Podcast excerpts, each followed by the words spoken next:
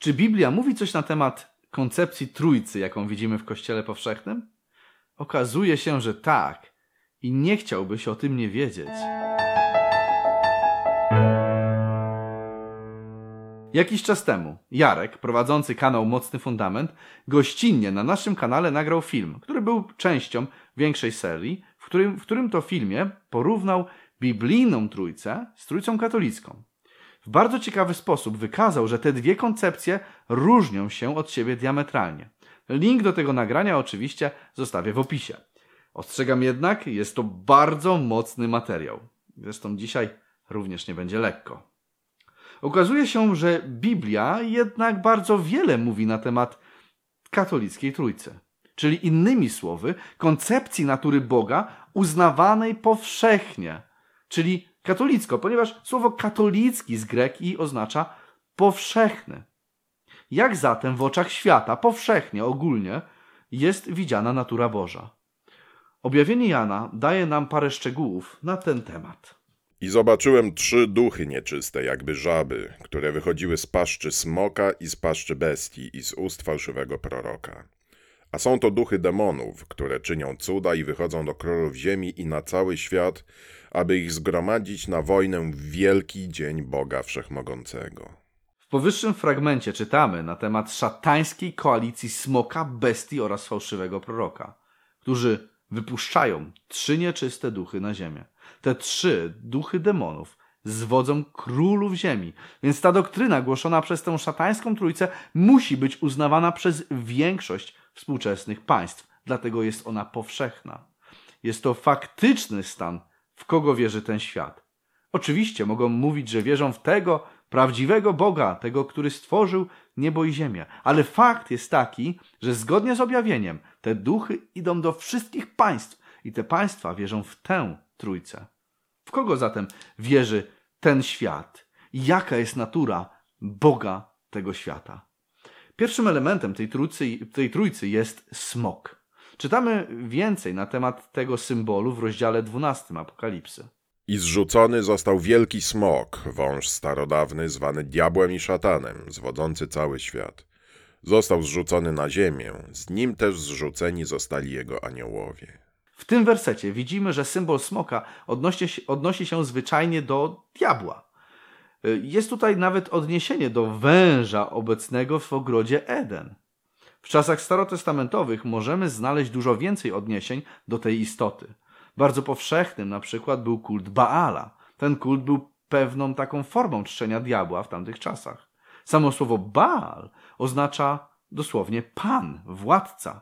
Był to Bóg piorunów, życiodajnego deszczu, jak również był on uważany za władcę właśnie świata.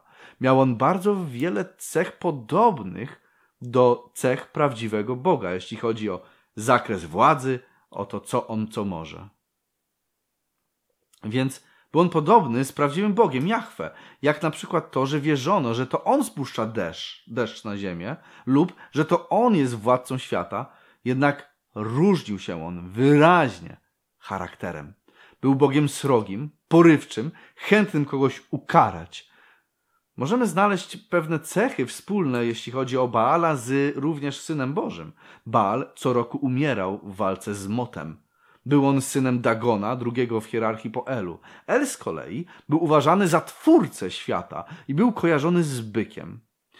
W tych wszystkich bóstwach widzimy, że w jakimś stopniu one odnosiły się do tego prawdziwego Boga, ale w żaden sposób nie odzwierciedlały jego charakteru. Czyli byli, ludzie wierzyli w Stwórcę.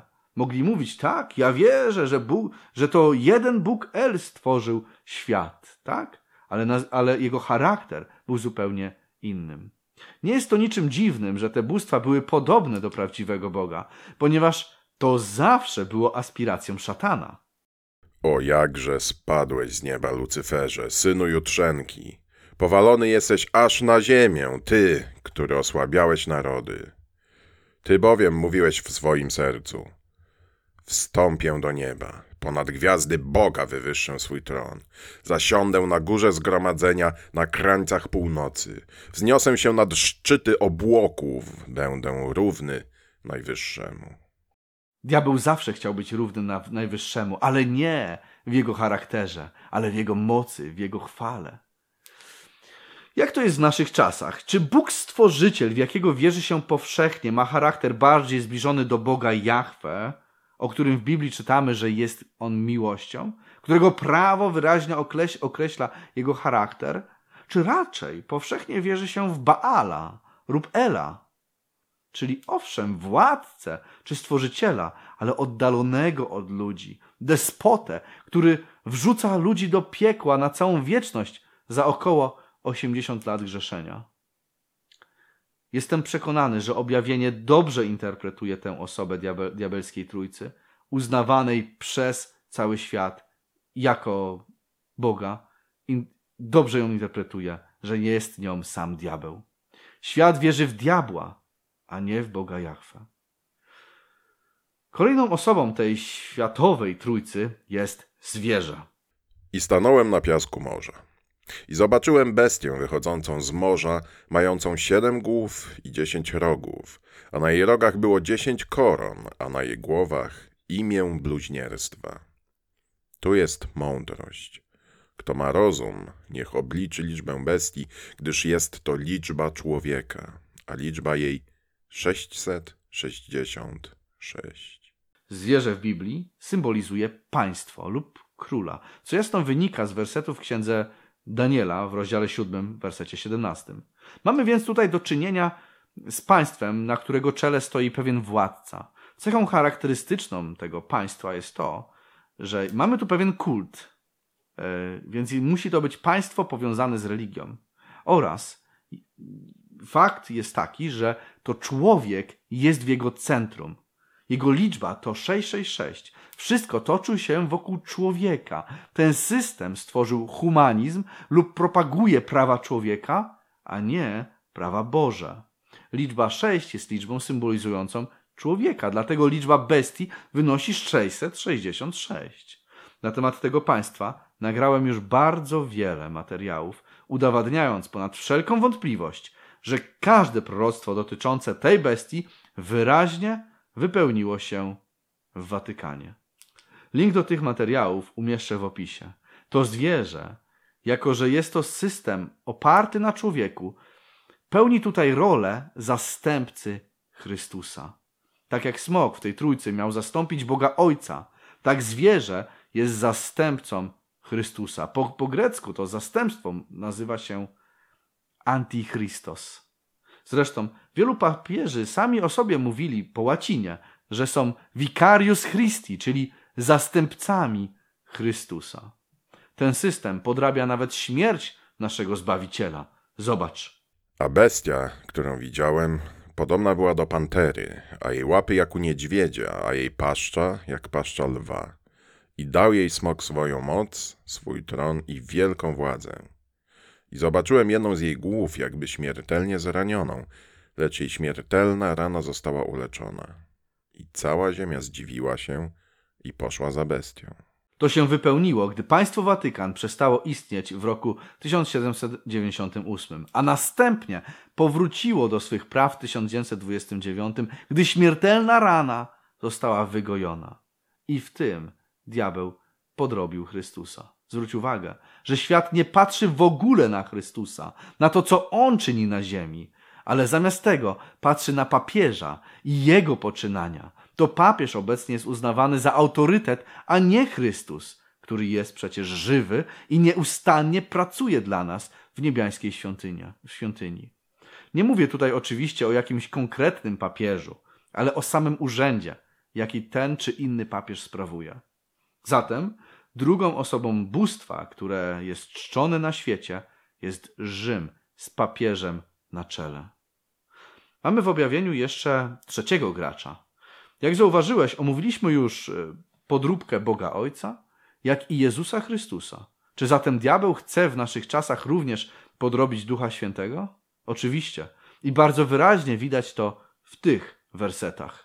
Potem zobaczyłem inną bestię wychodzącą z ziemi, a miała dwa rogi podobne do baranka, ale mówiła jak smok. I całą władzę pierwszej bestii sprawuje na jej oczach i sprawia, że ziemia i jej mieszkańcy oddają pokłon pierwszej bestii, której śmiertelna rana została wyleczona. i czyni wielkie cuda, sprawiając, że nawet ogień stępuje z nieba na ziemię na oczach ludzi. I zwodzi mieszkańców ziemi przez cuda, które jej pozwolono czynić przed bestią, mówiąc mieszkańcom ziemi, aby sporządzili wizerunek bestii, która miała ranę od miecza, ale ożyła. W innych fragmentach ta moc jest opisana mianem fałszywego proroka. To Duch Święty jest odpowiedzialny za udzielanie proroctw. Dlatego miano fałszywy prorok musi się odnosić właśnie do trzeciej osoby bóstwa. Tak jak Duch Święty prowadzi ludzi do czczenia Jezusa, tak samo fałszywy prorok, czyli ten duch, który działa przez fałszywego proroka, prowadzi ludzi do czczenia bestii czyli antychrysta. Fałszywy Duch Święty czyni cuda, tak jak ten prawdziwy. Spuszcza z ogień z nieba, tak jak w dniu pięćdziesiątnicy. Nad głowami apostołów pojawił się ogień z nieba, posłany przez prawdziwego Ducha Świętego. To właśnie ten fałszywy prorok odpowiada za przekonywanie ludzi do grzechu, tak jak prawdziwy Duch Święty przekonuje ludzi, aby nie grzeszyli. Fałszywy prorok to upadły protestantyzm, który E, ta, który działa obecnie w, w Stanach Zjednoczonych. Dlatego również jest symbolizowany przez bestię. I on przyjął pogańskie manifestacje mocy diabelskiej, takie jak mówienie językami, e, podróbki różne uzdrowień, czy masowe hipnozy, jakie mają miejsce w niektórych megakościołach cały ruch charyzmatyczny nie powstał z protestantyzmu, e, jak to może powszechnie niektórzy myślą, ale jak to nawet w materiałach samych zielonoświątkowców można znaleźć, że wywodzi się on z Rzymu. Podobnie zresztą nadprzyrodzone manifestacje mają miejsce w tak, zwa, w tak zwanym od, ruchu odnowy w Duchu Świętym, czyli takiej charyzmatycznej wersji katolicyzmu. Podobnie jak Chrystus posłał swojego Ducha Świętego na świat, tak Rzym, czyli Antychryst, posyła fałszywego ducha, e, fałszywego proroka, aby przygotować ludzkość na Armagedon.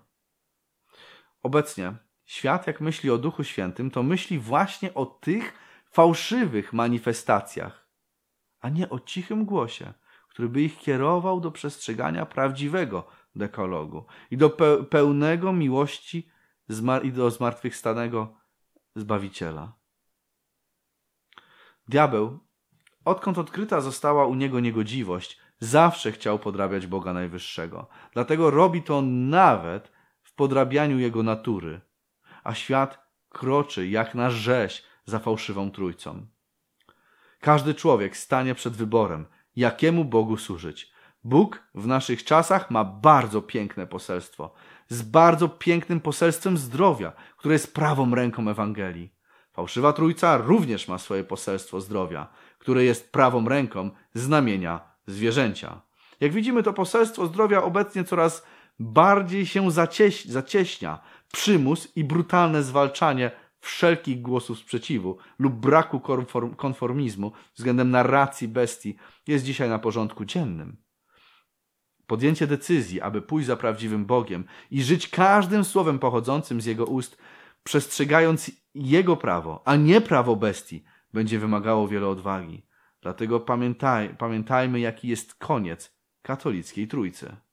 I schwydana została bestia, a z nią fałszywy prorok, który czynił przed nią cuda, jakimi zwiódł tych, którzy przyjęli znamię bestii i oddawali pokłon jej wizerunkowi. Oboje zostali żywcem wrzuceni do jeziora ognia płonącego siarką. A diabeł, który ich zwodził, został wrzucony do jeziora ognia i siarki, gdzie jest bestia i fałszywy prorok, i będą męczeni we dnie i w nocy na wieki wieków.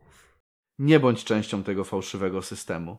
Miej odwagę, aby myśleć samodzielnie i postępować zgodnie z własnym sumieniem, a Bóg pokoju zajmie się wszystkimi Twoimi problemami. Także nie. Katolicka trójca to nie trójca biblijna. Subskrybuj i daj łapkę w górę. Śledź nas na library, czyli odyssey.com, Bitrut, Telegramie i Facebooku. Cześć!